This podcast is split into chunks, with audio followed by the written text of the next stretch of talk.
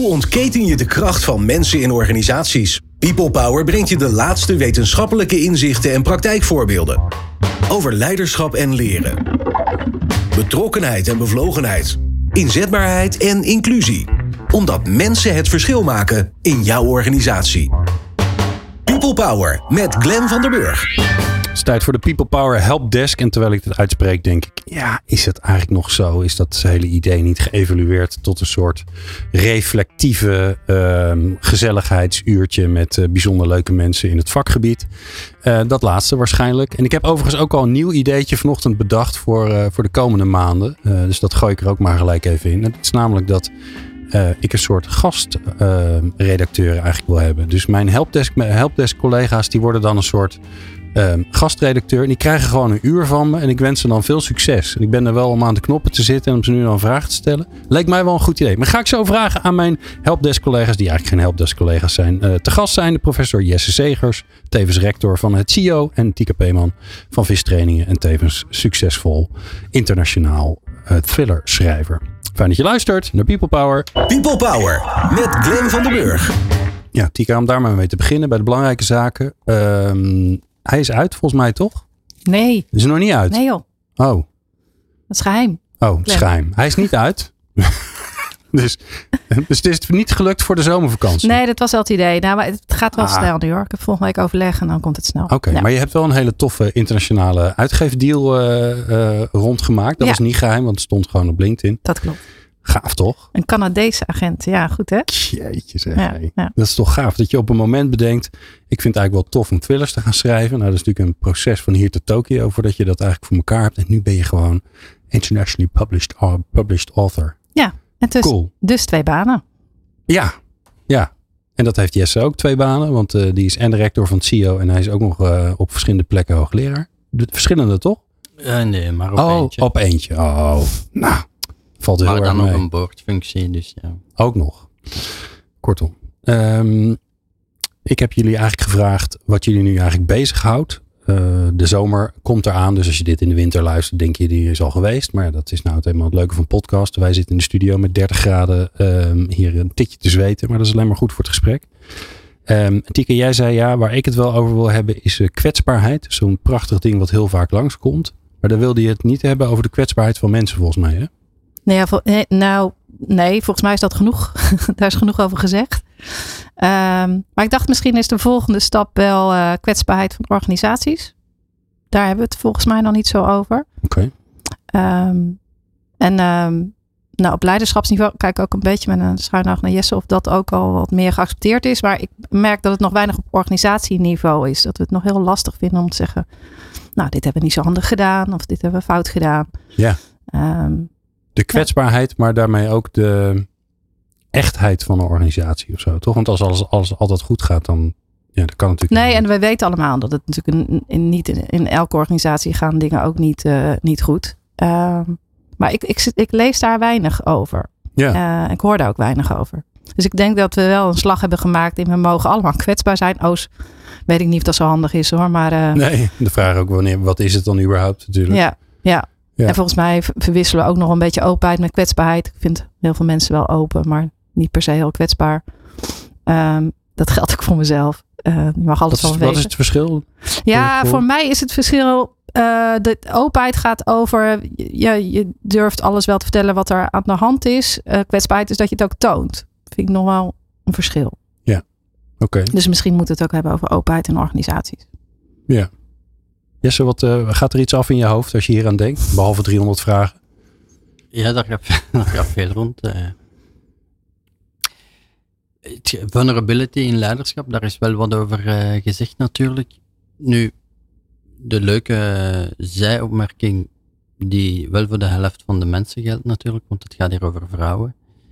Dat is Hermina Ibarra, die zei pas op met dat script, hè. Want eh, dat is wel op, de, op het alfamannetje geschreven, dat je dan zo een persoonlijk, authentiek, kwetsbaar verhaal moet vertellen. En dan score je, want zie, Ja, de Naast- kwetsbare man is anders dan de kwetsbare vrouw. ja, dus naast die sterke leider kan je ook nog kwetsbaar zijn en verbindend. Maar als je dat als vrouw doet, dan kom je wel in een ander bakje terecht. Eh, niet als je scoort hiermee, maar je kan zelfs weggezet worden als ze kan het niet, want ze, ze is kwetsbaar.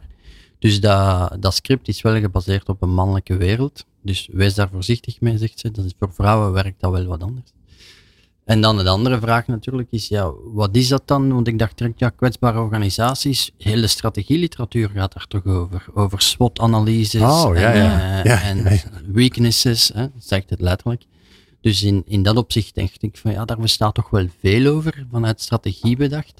Maar als je het dan natuurlijk naar klimaat of sferen of zo begint te denken, denk ik, ja, dan zit je in die wereld van psychologische veiligheid, onveiligheid, waar we ook al eh gesprek over hadden in- naar aanleiding van deze podcast. Ja, daar komt wel meer taal op. Dat is een beetje de zoektocht waarom Mhm. het dan nu zo populair is. Zo. Dus ik ben nog niet helemaal, dus op welk niveau zeggen we het, wat verstaan we eronder? Ik vind Ja. ook die vraag tussen openheid en kwetsbaarheid vind ik wel een mooie. Mijn intuïtie of, of, of ja, praktijkgevoel was meer van kwetsbaarheid, dan neem je een risico, maar openheid neem je niet zozeer een risico of zoiets. Dat daar nog een Hmm. verschil op zit en dan risico is dan gekoppeld aan vertrouwen. Hè. Veel mensen zeggen, veel leidinggevenden zeggen ik vertrouw mijn mensen, maar als je dan doorvraagt, dan zijn dat eigenlijk de mensen die je het meest op de hoogte houden. Die vertrouwen ze het meest. Dan denk ik, ja, ja dat is geen vertrouwen. Hè. Het is nu net die puber die jou niet op de hoogte houdt en die je niet gaat controleren Ja. met, met je iPhone, waar zit die, die? Dat is vertrouwen. Ja. Of Ja, het is nu het net komt je- wel goed. ja, het komt wel goed. Het is Ik- je ik partner die het via andere waardekaders gaat doen dan dat jij bedacht hebt, die je niet gaat moeien, dan, dan ben je aan het vertrouwen. Vertrouwen en risico gaat samen. bedoel. En heel veel. eh, Dus ik vind dat ook nu interessant dat we de overheid moeten vertrouwen. En dan, dan maken ze daar al transparante algoritmes van. Ja, maar dan moet je ze niet vertrouwen. Het is nu net als je het niet weet, dan moet je de overheid vertrouwen. Ja, We gaan, maken het dus zo dat er eigenlijk geen vertrouwen meer nodig is. Dus ik vind dat een heel Hmm. ingewikkelde puzzel. Er zit iets heel eh Ja, ja je, geeft, tweezijdig aan. je geeft openheid zodat mensen je gaan vertrouwen. Maar eigenlijk is het raar, want ze zouden, je moet mensen vertrouwen als je, als je onzeker bent. Juist. Hè, dus on- in onzekerheid kun je vertrouwen. En anders is het gewoon, is er niet zoveel onzekerheid aan. Ja, dan moet je ook Hè? niks vertrouwen niet meer. Nee. Het heet toch ook iets van blind vertrouwen? Ja. Of een minister hè, die vertrouwt, die zegt ja, ik vertrouw mijn ambtenaren. Wie dat ze dan vertrouwen is dat die ambtenaar exact doet wat die minister vraagt.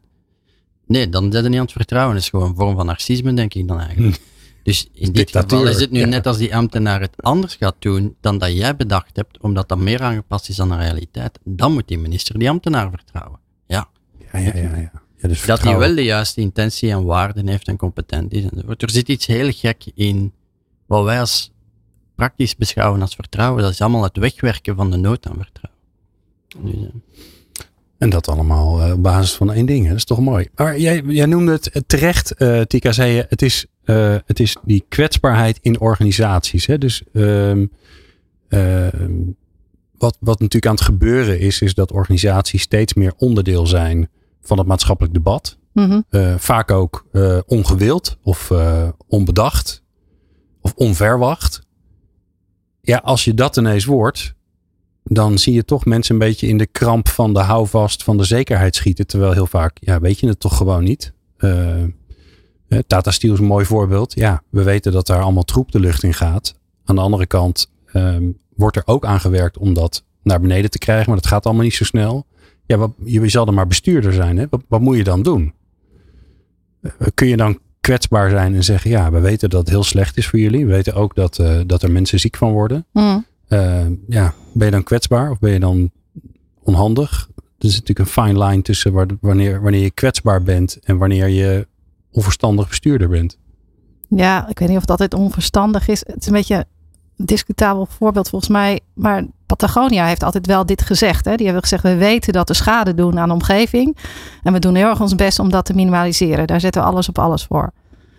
Dat, volgens mij heeft dat altijd wel gewerkt in die zin. Ik heb het niet helemaal gevolgd, maar ik had ze overigens een tijdje geleden in de uitzending. Dat is wel grappig. En een maand later of zo kwamen ze in het nieuws dat ook de Patagonia jassen in Bangladesh gemaakt worden in dezelfde fabrieken Ja, precies, eh, als waar ja. andere partijen op aangevallen worden. En ik heb Ja. eerlijk gezegd niet verder onderzocht van hoe reageren ze daar nou eigenlijk op. En, dat is, dan En is het dan meteen hè? klaar? Dat, daar ben ik ook wel mee bezig. Hoe toch? bedoel je? Nou, ik, we mogen niet zo heel veel fouten maken, toch? Ze hebben waanzinnig veel goed gedaan, denk ik. Ik volg ze best wel een tijdje. Ja. Dit doen ze waarschijnlijk echt niet handig. Eh, en is het dan helemaal klaar? Ja, vallen ze dan van een voetstuk? Ja. Ja, hoeveel vertrouwen heb je dan nog? Ja, waar mij het nu aan doet denken als jullie dat bespreken, ehm, dit komt niet van mij, dit komt van Robert Kaplan, zijn laatste boek, ehm, waar hij een pleidooi maakt dat eigenlijk leiders tragisch moeten kennen, tragisch moeten kunnen denken om tragedie te vermijden. Dat is een mooi Twitterzinnetje. En wat hij daar eigenlijk mee wil zeggen is, kijk, in de Griekse oudheid was tragedie niet de keuze tussen goed en slecht. Want dat is gemakkelijk. Leiders hebben vaak de keuze te maken tussen goed en goed. En dat is tragisch. Want wat dat je ook kiest, je gaat altijd ergens een slachtoffer maken. Of Ja. soms op je persoonlijk niveau, je familie, hier ook, hè, Tata Steel. Langs de ene kant is het werkverschaffing, Mhm. langs de andere kant is het economie, of is het de milieuomgeving eh, kapot maken. Hetzelfde met Patagonia. Kun je ook een verhaal rond bedenken tussen goed en goed. Eh, tegelijkertijd, mensen moeten die kleren toch hebben. Misschien beter hun kleren dan nog op een of andere manier. Als het niet enkel eh, greenwashing was, wat ik ook niet vermoed trouwens. Ehm, dus er is, en dat is waar leiders het moeilijk van hebben. Maar wat ik vooral mij treft, is dat de media het daar zo moeilijk van heeft. Die maken altijd goed en kwaad. Ja, Terwijl ja, het heel vaak tussen goed en goed is. En die leiders weten dat zelf ook. Hè? Dat er een stuk is, een stuk zelfverloochening van, "Sst, hè, doe maar, dit, dit is niet wat ik zou wensen, maar tegelijkertijd moet ik wel iets. We zitten in zo'n meervoudigheid. En dat wist Shakespeare al lang, hè, van eh, the crown waves heavy. Hè? Als je, eh, bedoel, die slapen niet rustig, hè, die leiders. En dan doen wij van, hé, langs de buitenkant heb ik het beter geweten als jij, leider. En dan denk ik, ja, gaat er maar eens aan staan. Ja. Dus, Ja, maar het is, ja, maar het is natuurlijk wel heel subtiel. Dus ik denk dat de media dat natuurlijk niet zo heel interessant vindt. Nee, dat snap ik wel, maar het helpt wel niet om eh, een volwassen debat nee, te nee, hebben, nee. vind ik. Eens. Maar ik vind het wel, Wel om kranten te vullen, dat snap ik ook wel weer. ik vind het wel interessant, want ehm, daar, zij, zij moeten ook kiezen tussen goed en goed, hè? sorry. Ja, Ja, en aan de andere kant hoor ik, vind ik zelf ook wel dat de media, de media, alsof ze bestaan, hè, dat mensen in de media, die mensen die in de media werken, dat ze toch vaak ehm, zich niet zo be- bewust zijn van hoe, hoeveel invloed ze hebben eh, met de berichtgeving die ze, eh, die ze doen. Hè. Ze zeggen ja, we zijn onafhankelijk, eh, we doen dat vanuit waarheidsvinding. Als je kijkt hoe de media werkt in de regel, is het, zijn het mensen die per letter zo'n beetje of per woord betaald worden. De meeste zijn freelancer. Slecht hele, ja. rare, hele rare machtsverhoudingen. Eh, ze moeten en de waarheid vinden, maar ze moeten ook scoren. Het moet wel vaak geklikt en gelezen en gedaan worden. Anders gaan de advertentieinkomsten naar beneden. Maar als je ziet hoeveel effect het inderdaad heeft dat iemand schrijft: dit bedrijf is slecht, dit hebben ze verkeerd gedaan. Ja, de wereld is grijs helaas, maar niet in de media. Daar is het inderdaad zwart-wit. Ja, en- Behalve ja, hier en- natuurlijk. hè. Hier hebben we alle nuances. Nou ja, en ik hoorde laatst ook van een baas van de redactie. Die zei, er zijn heel veel journalisten heel onzeker. Want die hebben heel weinig tijd Mhm. om een zwart-wit stuk af te leveren. En dat kunnen ze gewoon helemaal niet. Ze kunnen dat onderzoek niet goed doen. En, eh, eh, maar dat is natuurlijk niet de ondertiteling. Dat een journalist zegt, jongens, ik heb dit in eh, Ja. tien uur gedaan. Ik ben er niet helemaal zeker van. Over kwetsbaarheid gesproken.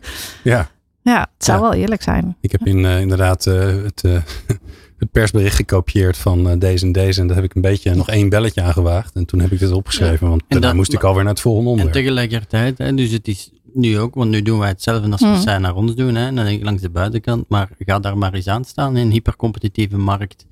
En Zeker, eh, ja. teruggaan naar staatsmedia lijkt me nu ook niet direct de oplossing. Dus het is wel vrije media die in een, in een hele competitieve omgeving zit. Dus ik snap dat wel. En dat individu probeert naar eer en geweten wel een stuk af te leveren dat kwalitatief goed is, maar ook snel moet gebeuren. Daar zit een spanning op. Enzovoort. Maar ja, als je het dan als geheel neemt, dan denk je soms, het reflectief vermogen op dat systeem, dat zie je weinig gebeuren. Of je ziet dat wel gebeuren in het zijgesprek, maar je ziet dat niet terug in het artikel. Nee, dat valt Nee. mij ook altijd op. Nee. Eh, nee, er zit weinig twijfel in. Ja, Toch? omdat ze dan misschien niet mogen. Of ik, terwijl ik daar denk, er zit, er zit toch net een opvoedende rol in. Dat is nu heel paternalistisch als ik het zo uitdruk. Maar Er zijn er voorbeelden van dat dat wel gebeurt. Nou ja, ik ben heel erg fan van. ehm, maar dat is, die hebben een heel ander model gekozen. Ik ben heel erg fan van Follow the Money. Ja, die Mhm. hebben gewoon. eh, eh, die hebben een soort abonnementstructuur. En eh, dan mag je hun stukken lezen. En dan is er volledige vrijheid voor, eh, voor de, de redactie en de mensen die er werken.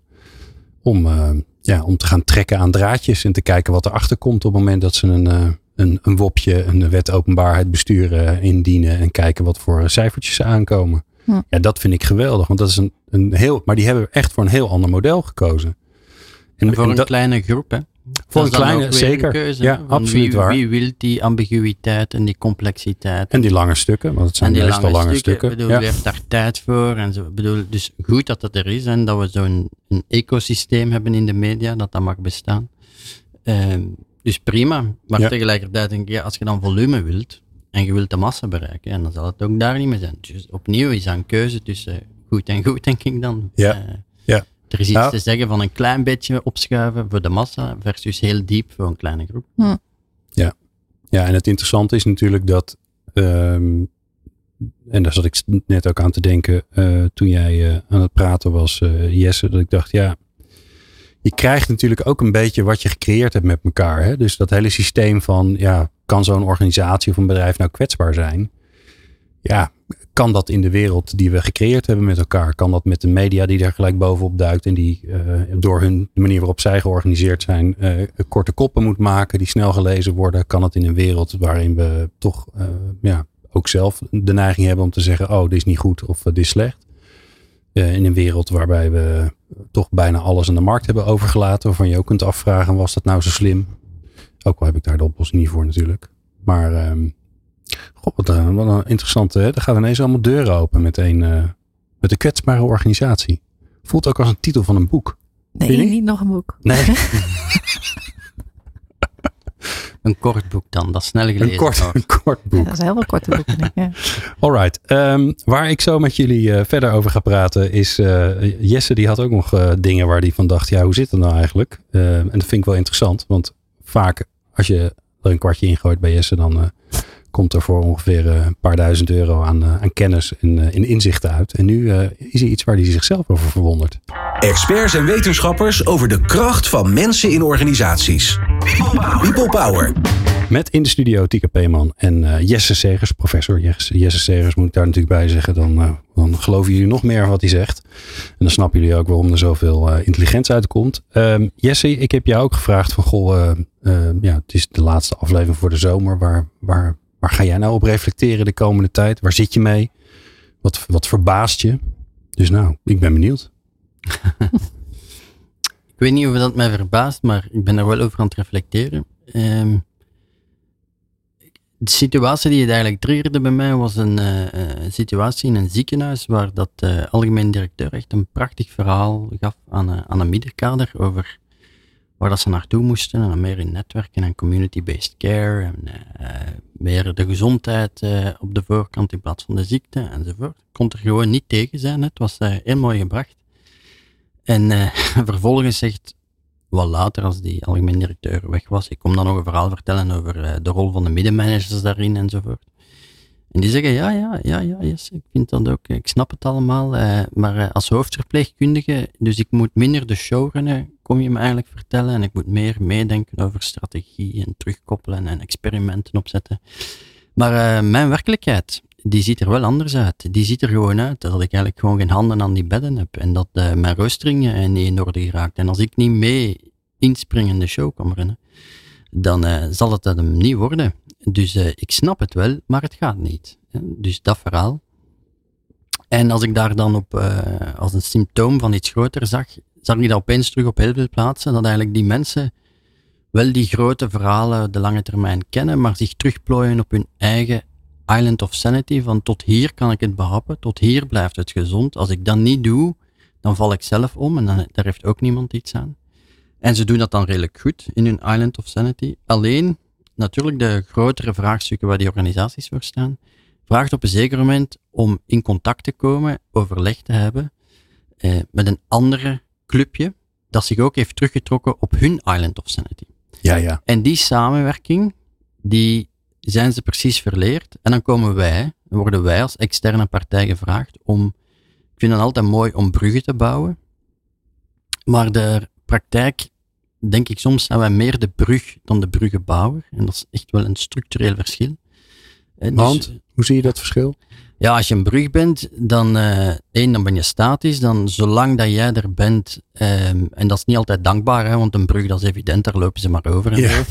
Ehm, met vuile voeten en alles. Maar, maar zolang dat jij er bent, zijn die twee werelden verbonden. Maar als je een brug bouwt, dan ben je de architect en zorg je ervoor dat die brug daar staat, dat jij weg kan. En dat die daarna ook nog eh, met elkaar verbonden Aha. blijft. En dat is een heel ander vraagstuk van hoe dat je dat moet doen, de architect zijn of zelf brug spelen. De vraag is natuurlijk om eh bruggenbouwer te zijn, maar ik heb heel vaak het gevoel dat we ook in condities komen waar dat dan moeilijk is om bruggen te bouwen. Je kunt dat wel tonen enzovoort, maar de initiële condities zijn niet weg natuurlijk. De snelheid, de volatiliteit, de complexiteit, die hebben gemaakt dat ze zich terugplooien op hun eiland. Wij kunnen dan voor tijdelijke holding space, heet dat dan, hè, zorgen. Maar ja, die initiële condities helpen niet om die brug in stand te houden of zoiets. Dus ik zit daar wel op te puzzelen van, eh, ja, het is goed zolang we er zijn, maar is het duurzaam goed? Ik denk dat we ons best doen. En wat daaruit voortvolgt, is dat wij zien dat er bepaalde ehm, workshops heel veel gevraagd worden de dag van vandaag in company. Want bijna zoals macht en politieke vaardigheden, ehm, strategische eh, verandervaardigheden enzovoort. Omdat Daar is veel vraag naar. daar is veel vraag naar vanuit een, vanuit een eh, dat ze zelf voelen, ik moet niet professioneel ontwikkelen, maar mijn professie moet ontwikkelen. Want dat is dan vaak een groep, ik zeg maar iets senior business analisten of zo, of HR mensen. Het is echt een, een homogene groep die voelt van wij moeten andere vaardigheden beginnen ontwikkelen om in verbinding te geraken met die andere vreemde mensen. en dus macht en politiek zit daarin, eh, strategisch communiceren enzovoort. Dus dat soort puzzels. En ik zie dat meer en meer gebeuren. En dan denk ik, ja, dat zit dus binnen een grotere organisatieontwikkeling. Dus ik snap het wel. Of ik, of ik zie daar iets, dat er een segmentatie is. Maar die basiscondities, die gaan niet weg natuurlijk. Hè. Dus de, de- Ja. die vrouw zit daar nog altijd met die gebrek aan handen aan haar bed. Hè. Dus ik, ik zie Ja. ze nog zo voor me en daarom. En dan denk ik, ja, ja, en dan kan ik die macht en politiek leren en zo. Ja, daar, daar krijg je niet, eens, niet ineens meer mensen van of meer rust in je hoofd. Of, eh, en dan denk ja. ik, ja, ja dat, want dat gaat overal gebeuren, hè, dat we te weinig handen hebben met die vergrijzing enzovoort. Moeten we het dan oplossen met zo'n robotje daarnaast? Allee, krijgen we weer heel andere vragen. Dat is dan een ander gek Island of Sanity of zo. Ik, ik, daar zit ik zo op te worstelen van, wat wordt dat hier eigenlijk? Maar ik hoor je eigenlijk zeggen, de, de, de vervreemding tussen verschillende onderdelen in de organisatie, Klopt. die zorgt ervoor dat we ehm, de hele tijd pleisters aan het plakken zijn in het nu. Om maar te zorgen dat de boel doordraait. Maar het lukt je niet echt om, om echt een volgende stap te zetten. Of misschien zelfs wel de problemen die er zijn op te lossen. Want je hebt het zo druk. Zolang dat wij er zijn, wel. Eh, ja, oké. dan zie ik wel dat, dat dat collectief een stap vooruit zet. Maar dan komt op, op een ander ding dat ik heb binnengebracht. Tegelijkertijd lees ik dat de adviseurs en de consultants, dat is pest en cholera natuurlijk. Wij zijn verschrikkelijk. En lees ik in, in sommige... Dan denk Ja. ik, ja, maar er, het is toch ook wel systeem. Dus er is, er is een vaardigheid die verdwijnt in die organisaties om met vreemde, mogend, vreemde entiteiten te praten. En daarvoor heb je een derde partij nodig. En die halen ze van buitenaf binnen. Wat valabel is, denk ik. En je probeert het dan integer te doen. En tegelijkertijd kost dat geld. Maar als dat dan geld kost, dan mag dat niet. Dus ik, er zit er iets heel ehm, Hm. eh, raar in, denk ik. Dus, dus het wordt niet systemisch bekeken. De rol van adviseurs of opleiders of organisatieontwikkelaars, clubs zoals ons. Ja. Die dat integer proberen te doen, die worden soms op een hoop gegooid met andere partijen die daar echt een eh, structureel be- verdien voor een model van maken om geen bruggen te bouwen, Maar de brug te zijn. maar de brug te Ja, want dan heb je een hele dure brug. En dan eh, met allemaal leuke junioren zie ik dan zo voor me. En die brug die moet maar in stand blijven. Want als die weggaat, dan... eh, Ja, en daar zit ik dan weer van, ja, maar dat is ook niet enkel hun verantwoordelijkheid, het wordt ook ingekocht. Hè? Zeker. De overheid doet wel, dat vind ik altijd fantastisch, zowel in Nederland als in Vlaanderen, zie ik dan altijd uitvragen waar 40% of meer op prijs is. Dan denk ik, ja, ik zou dat graag eens omgekeerd zien, 70% op kwaliteit of zo. Ja, dan, dan zeggen ze, ja, ze doen het op volume en geld. En dan denk ik, ja, maar je hebt dat ook zo uitgevraagd. Ja. Wat hadden nu gedacht? vraag dan een keer uit op kwaliteit. Uh, ik, dat is een ingewikkelde discussie dat je dat dan moet gaan meten. Maar dan gaan we misschien ook andere adviseurs krijgen in uw markt. Hè? Het, is, het is niet enkel de adviseur die wij bedienen ook, maar wat er een stuk is. Hè? Dus het is een interactioneel proces en dat stuk ontbreekt voor mij in een gesprek ja. daarover. Ja, die kan je herkenbaar. Um, ja, ik herken het wel. Ik vind het wel echt heel, heel boeiend ook. En ook altijd lastig. Het is ook een grote aanklacht natuurlijk tegen hè, mijn vakgebied. Uh, het is niet uh, duurzaam uh, wat we doen. Ja, want de trainer die komt. Die komt. En, en die, die, gaat ook weer weg. Ja, die gaat weer weg, precies. En dan nou ja, zijn we dan een tijdelijke brug. Ik, ik weet het niet, hè. De, dus ik haak wel aan op wat je zegt over... Ja, wij zijn natuurlijk gewend om van buitenaf contact te maken. Dus dat is een vaardigheid die we heel erg hebben geleerd. En, en dat is een vaardigheid die je, die je volgens mij in het systeem brengt. Uh, en volgens mij moet je dan, nou ja, dat hoop ik dan heel erg goed naar het hele systeem kijken. Te kijken van ja, hoe kan je die vaardigheid dan aanleren?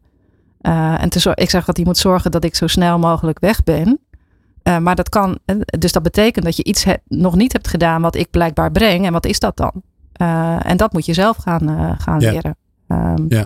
Dus dat vind ik een hele belangrijke opdracht ook voor externe partijen.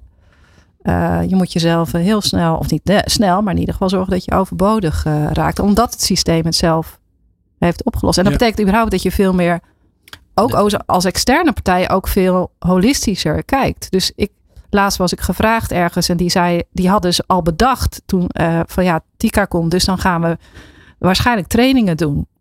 Terwijl ja, ik, de, de, zo zit ik niet. Dat weet ik natuurlijk helemaal Nee. niet. Want ik weet helemaal Nee, niet eens wat ik even kijken wat er aan de tegenkom. hand en, is, En ik vond al, ze na de intake het laatste wat we moeten doen is hier trainen. Dus ik hoop ook dat, en, en toch doen we dat wel, denk ik, heel snel. Dat is natuurlijk weer ons. eh, dus, dus ik vind ook wel dat het van externe wel wat vraagt. Maar, maar veel meer in, een, in ja, nou ja, veel meer systemisch kijken met elkaar. Wat is hier nou echt eh, aan de hand? Wat missen we? Grappig is wel natuurlijk dat eh, jij gaf van tevoren eh, de kwetsbaarheid gaf je aan Ja. dat je er wil het ook over hebben. Maar je gaf ook aan, en die ligt ook in deze lijn. Waar mogen we mee stoppen? Wat gaan we nou minder doen? Want ik denk ook aan, aan de drukte van alle dag. En met te weinig mensen meer doen. Want dat is toch een beetje ja, met deze arbeidsmarkt, maar ook in de wereld waarin we zitten. Eh, het devies. Ehm, Ja, dus, er zat ook in, de, in jouw verhaal iets, eh, wat ik, wat ik, ik weet nog ineens waar ik hem heb opgepikt, maar iets van fatale loyaliteit. Dus we roepen naar boven toe heel vaak, gaan we doen. Eh, terwijl je waarschijnlijk non-verbaal al ziet dat mensen dat zeggen, ja, ik, heb, ik weet het, nou, dat ga ik dus niet doen, want ik, ik, ik krijg Nee. het gewoon niet voor elkaar. Maar we zeggen wel dat we, dat we doen, of we doen het erbij en dan gaan mensen onderuit. Ehm, En, en mijn, mijn punt is, ik denk dat heel veel ZZP'ers, bureaus, zeker de kleinere, eh, met heel veel integriteit proberen daar iets neer te zetten met het idee en zelfs het psychologisch contract, proberen zo snel mogelijk ons terug te trekken. Maar mijn zorg is dat de basiscondities ervoor gezorgd hebben dat ze die spier van samenwerking niet meer ontwikkeld hebben, namelijk die VUCA-wereld, die is niet weg natuurlijk. Dus in die tijdelijkheid en met een wat na, na eh, hebben, zal dat daar wel zijn voor het vraagstuk dat voor ligt. Maar ik vraag me dan af, bij het volgend vraagstuk, waar het echt taai en ingewikkeld en spannend wordt, en waar dat je echt met die vreemde mensen moet gaan praten, in je eigen organisatie, of dat dat dan wel doorwerkt. En Ja. daar ben ik niet zo heel zeker van. Nee. Ehm, omdat, de, omdat er niks aan die conditionaliteit gedaan is. En dat, dat is dan de- voor mij wel de brug naar de vraag die jij stelt, Glenn. Mogen we ook met iets stoppen? Ik zou het niet weten. Ik merk zelf dat, eh, eh, ik doe het niet meer zo heel veel, maar als ik weer met groepen aan de slag ga, vaak is het dan toch gericht op het nieuwe, hè, nieuwe dingen bedenken, dingen oplossen. De, de, het zijn al dingen die erbij komen. Hm. En heel vaak, eh, eh, want ik, heb me dan, ik kan me dan heel goed voorstellen, je bent al heel erg druk. En dan word je uit die drukke dag gehaald om nou, een paar uurtjes eh, in een ander groepje wat te gaan doen. Dat is altijd leuk, hè? dus dat geeft altijd energie, dat is mooi. Maar daarna kom je weer in die drukke wereld met alle mailtjes en weet ik veel wat allemaal. Ja, hoe kan je dan datgene wat je in een paar uurtjes bedacht hebt, hoe kun je dat dan erbij ook nog eens een keer tot leven gaan wekken? Nou, die kans is redelijk klein. Dus wat ik heel vaak doe, is ik zeg, ja, we moeten eerst ruimte gaan maken. Want hè, als de kast vol is, dan kun je wel nieuwe, nieuwe dingen kopen, maar dat past niet meer in de kast. Dus moeten eerst dingen uit.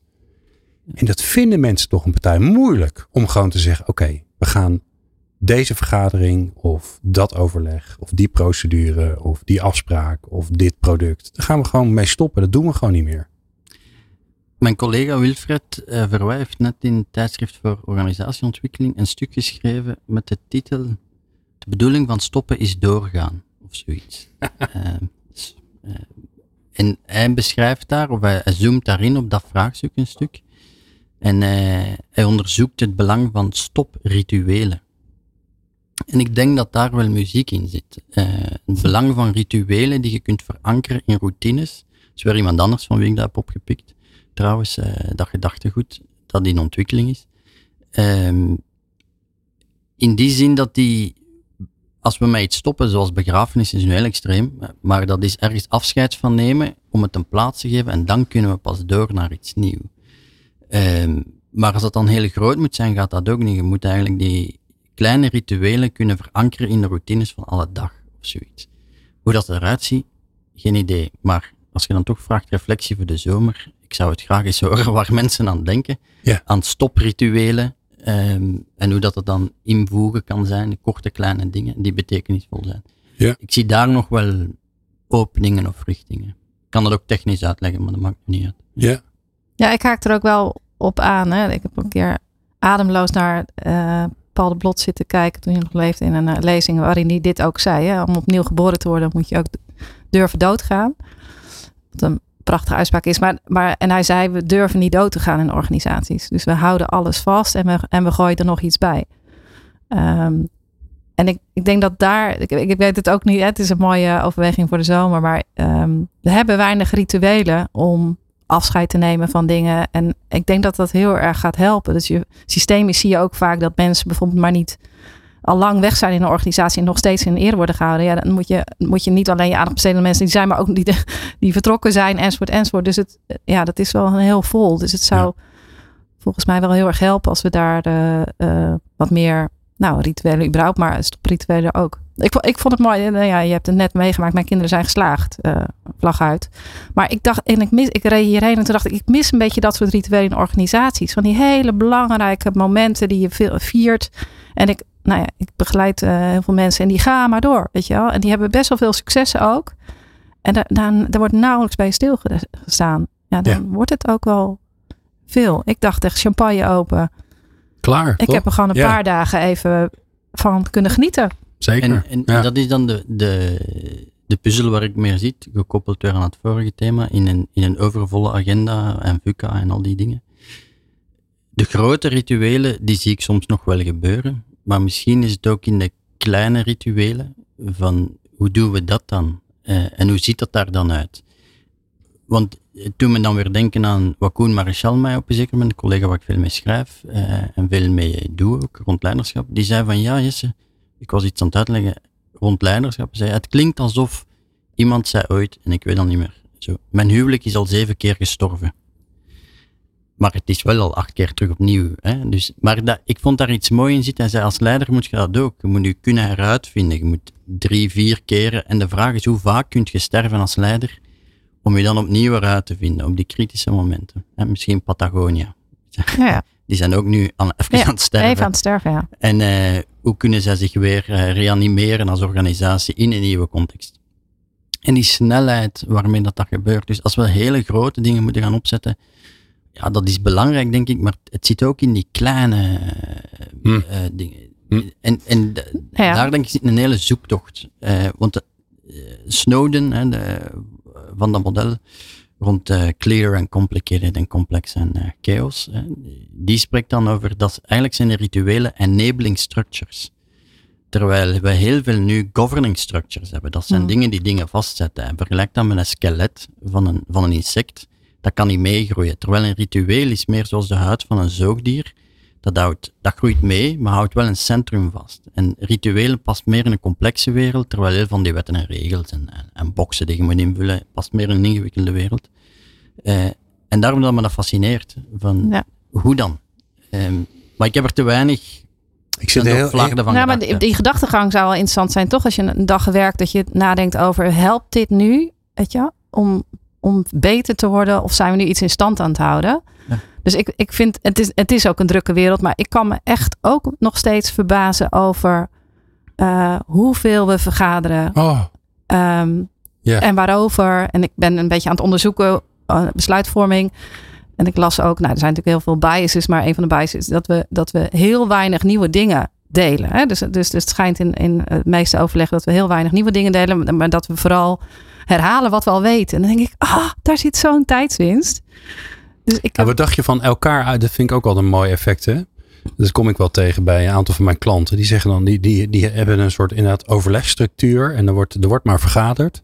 Slecht voorbereid natuurlijk. Um, um, we nodigen mensen uit omdat we denken, ja, moet die er nou bij zijn? Nou, eigenlijk niet. Maar ik denk dat als ik hem niet uitnodig of haar niet uitnodig, dan, uh, dan kwets ik diegene. Dan voelt hij zich buitengesloten. Dus ik nodig hem maar uit. Andersom, degene die uitgenodigd wordt, denkt: waarom word ik hiervoor uitgenodigd? Ja, ik ga maar, want anders kwets ik degene die me uitnodigt. En zo zijn we elkaars tijd gewoon naar de knop aan het helpen. In plaats van terwijl als je even zou bellen en zeggen van hé, hey, je nodigt maar daarvoor uit. Waarom heb je maar eigenlijk nodig?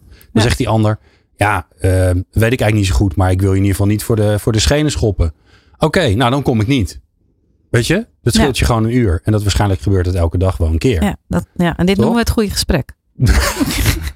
Wat een goed bruggetje.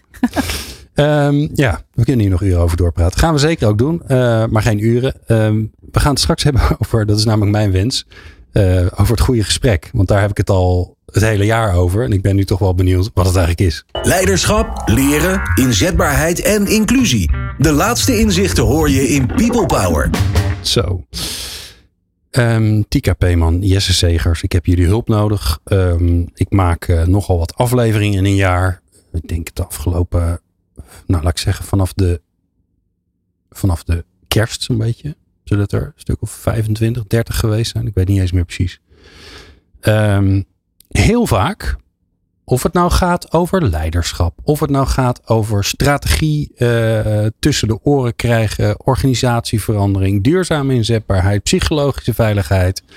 Altijd komt ergens in het, in het interview naar voren, als ik ga vragen, hoe dan, hoe dan, hoe dan, komt het naar voren. U voelt hem al aankomen. Het goede gesprek. Het is gewoon belangrijk dat het goede gesprek volgt. Het dappere gesprek, het eerlijke gesprek, uh, het echte gesprek. Nou, zet, er een, uh, zet er iets voor gesprek en uh, hij komt wel naar voren. Maar als ik dan door ga vragen, zeg ik: Oké, nou, hoe doe ik dat dan? Hoe zorg ik dan dat, dat, ik, dat ik echt daar kom waar je wil zijn met een goed gesprek? Dat het eerlijk wordt, dat mensen vertellen wat ze op hun lever hebben. Dat, ze, dat je ze kunt vertellen waar je zelf mee zit. Dat je kwetsbaar kunt zijn. Nou, meer van dat soort dingen. Ja, dan wordt het toch een beetje stil. Ehm, dus help mij. Jesse, het goede gesprek. Hoe doe ik dat? Geen idee. Uh, ik ben een Belg. Ik, uh, wij doen dat niet. Wij doen dat niet? Nee? Is dit een cultuurdingetje?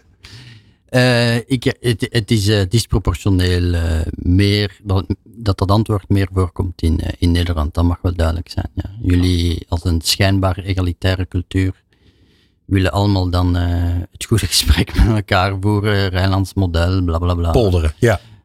oneindig. wij doen dat niet. Nee er is een baas en er is een volger, punt. Um, dus ik maak het nu heel zwart-wit, maar in België hoor je die oproep ook wel natuurlijk, maar wordt het, het gewicht daaraan veel minder zwaar. Oké. Okay.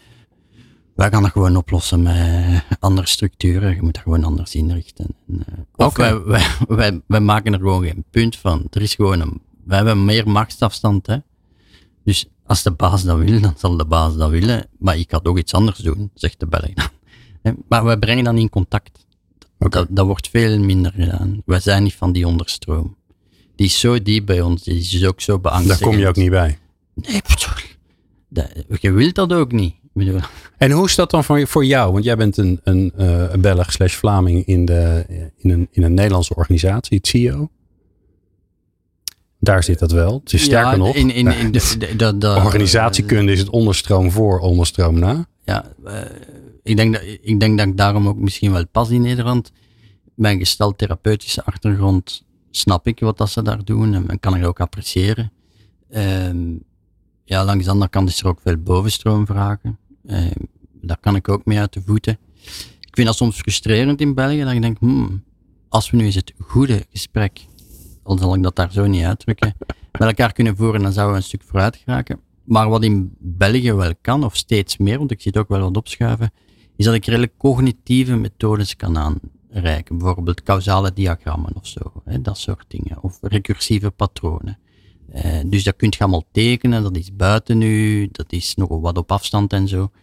Ehm, en dat helpt om dan dat gesprek met elkaar ja, te hebben? Ja, maar niet te diep, hè, Glenn. Ik bedoel, Nee, nee. bedoel, Nee. Als we dat plaatje hebben op een flipchart en we gaan er allemaal eens naar kijken en dan zeggen mhm, ja, ik herken het, klaar. Ja. Dan niet verder gaan. Niet zeggen wat doet het met je. En, nee, eh, nee, ja. nee, Nee, nee. Gaat dan in coaching. Eh, wat ook een business is, maar niet zo groot als in Nederland natuurlijk. In Nederland wat was na Noorwegen de tweede eh, matuurste coachingmarkt, zoveel jaar geleden al. Dus wij, wij maar houden dat dan wat privé. Zo. Ja. Dus, eh, ja, dus ik, ik zie daar sowieso al een, eh, een cultureel verschil. Ja. En ik weet ook nooit niet wat dat ze dan echt bedoelen met het goede gesprek. Dat is Nou, zo een misschien- sekswijze. Hè?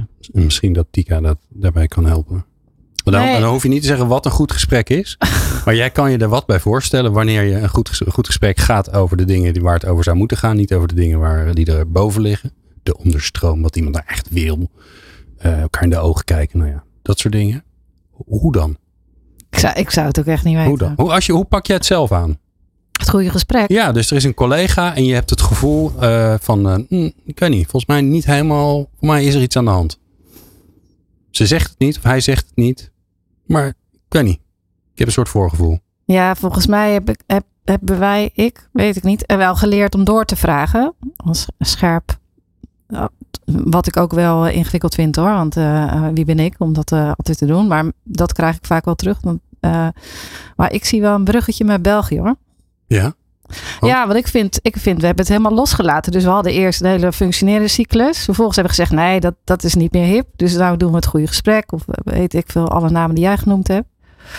En dat laten we niet helemaal los. Terwijl ik, ja, als ik Ah. dan hoor waar mensen het over hebben. Ik hoor heel vaak, ja, zegt ze, ja, het is toch eigenlijk gewoon weer een werkbespreking. Of het is eh, het oude bilaatje. Of, eh, dus ik denk met wat structuur ehm, en wat kaders zou het een stuk beter kunnen. Ja, ja. Dus voilà, dan denk ik, ja, dan, Maar vistrainingen heeft geen training het goede gesprek.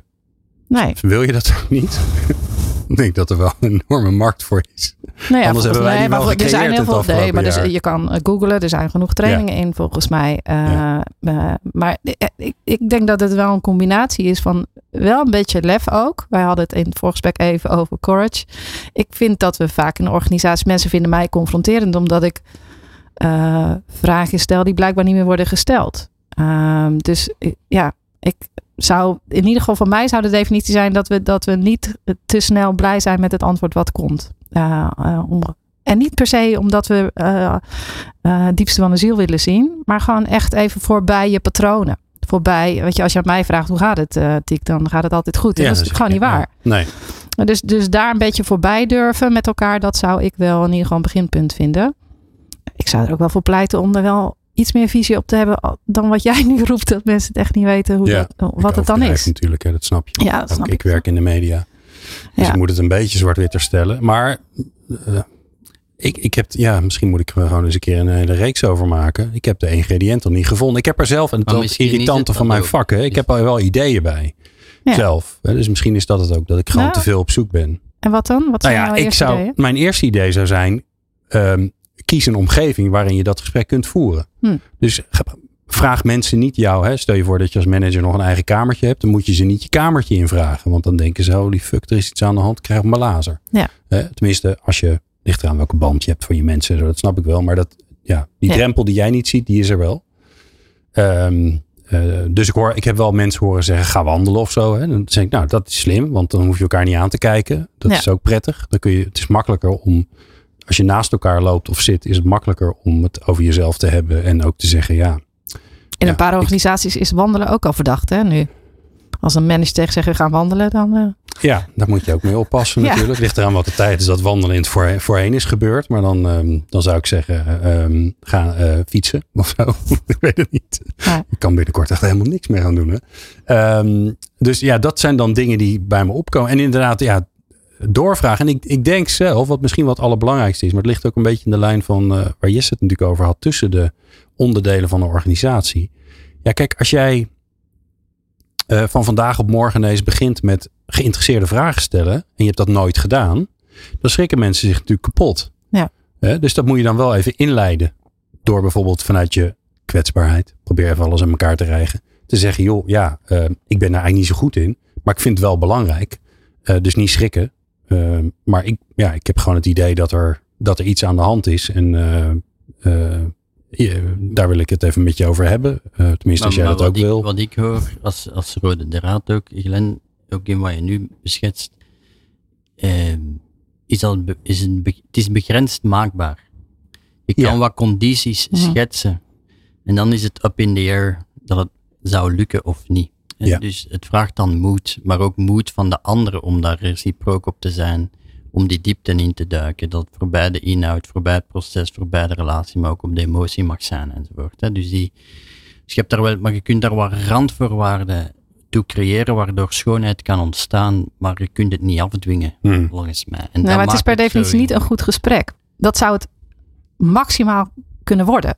Ja, ja, ja, Ja. Je doet een poging tot een Je goed doet gesprek. ja, zo zou het eigenlijk moeten. Maar ja, de training poging tot een goed gesprek, dat ja, die doet het niet heel zo goed. denk ik. Nee, klopt. Maar de- wat daar ook interessant aan is, er is eh eh, Thor Hernes, is een prof eh, van de Business School uit, Denem, uit Kopenhagen.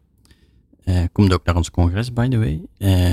Moest ik er even in pitchen. ja, heel goed. Ja, check CEO.nl voor het congres. Ja, voilà. maar de, die mens is heel veel bezig over tijd en organisaties. Eh, en een van de leuke dingen vind ik dat hij zegt, verandering gebeurt nooit op het moment dat het gebeurt. En wat hij daarmee bedoelt is dat een event vaak achteraf gezien maar een event blijkt, maar op het moment zelf gewoon een logische verderzetting is van het gebeuren. Dus je hebt niet door dat dat een event is.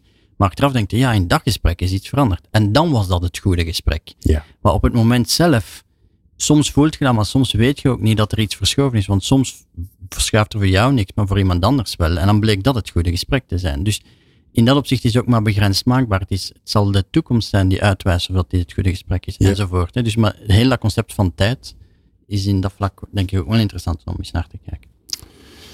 Ja, en het vraagt wel. Het is wel interessant, eh Glenn, om daar meer tijd aan te besteden. Want eh, in, de, in het werken in, eh, in het veld van psychologische onveiligheid merk ik dat wij heel veel tijd kwijt zijn met het neerzetten van een context waarin mensen in ieder geval dur- eh, eh, een eerste stap durven te zetten in, het, in verhalen vertellen en delen. En ook luisteren naar de ander. Dat vraagt echt enorm veel vaardigheden en moed.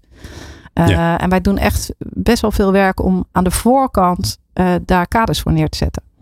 Zodat er mogelijkheid is om je enigszins vertrouwd en eh, Ja. veilig te voelen. Ja, en ook veilig te voelen in hoe moeilijk is dit, weet je? Om dat ook gewoon mee te geven en Ja. ook mensen te vragen om zichzelf te begrenzen.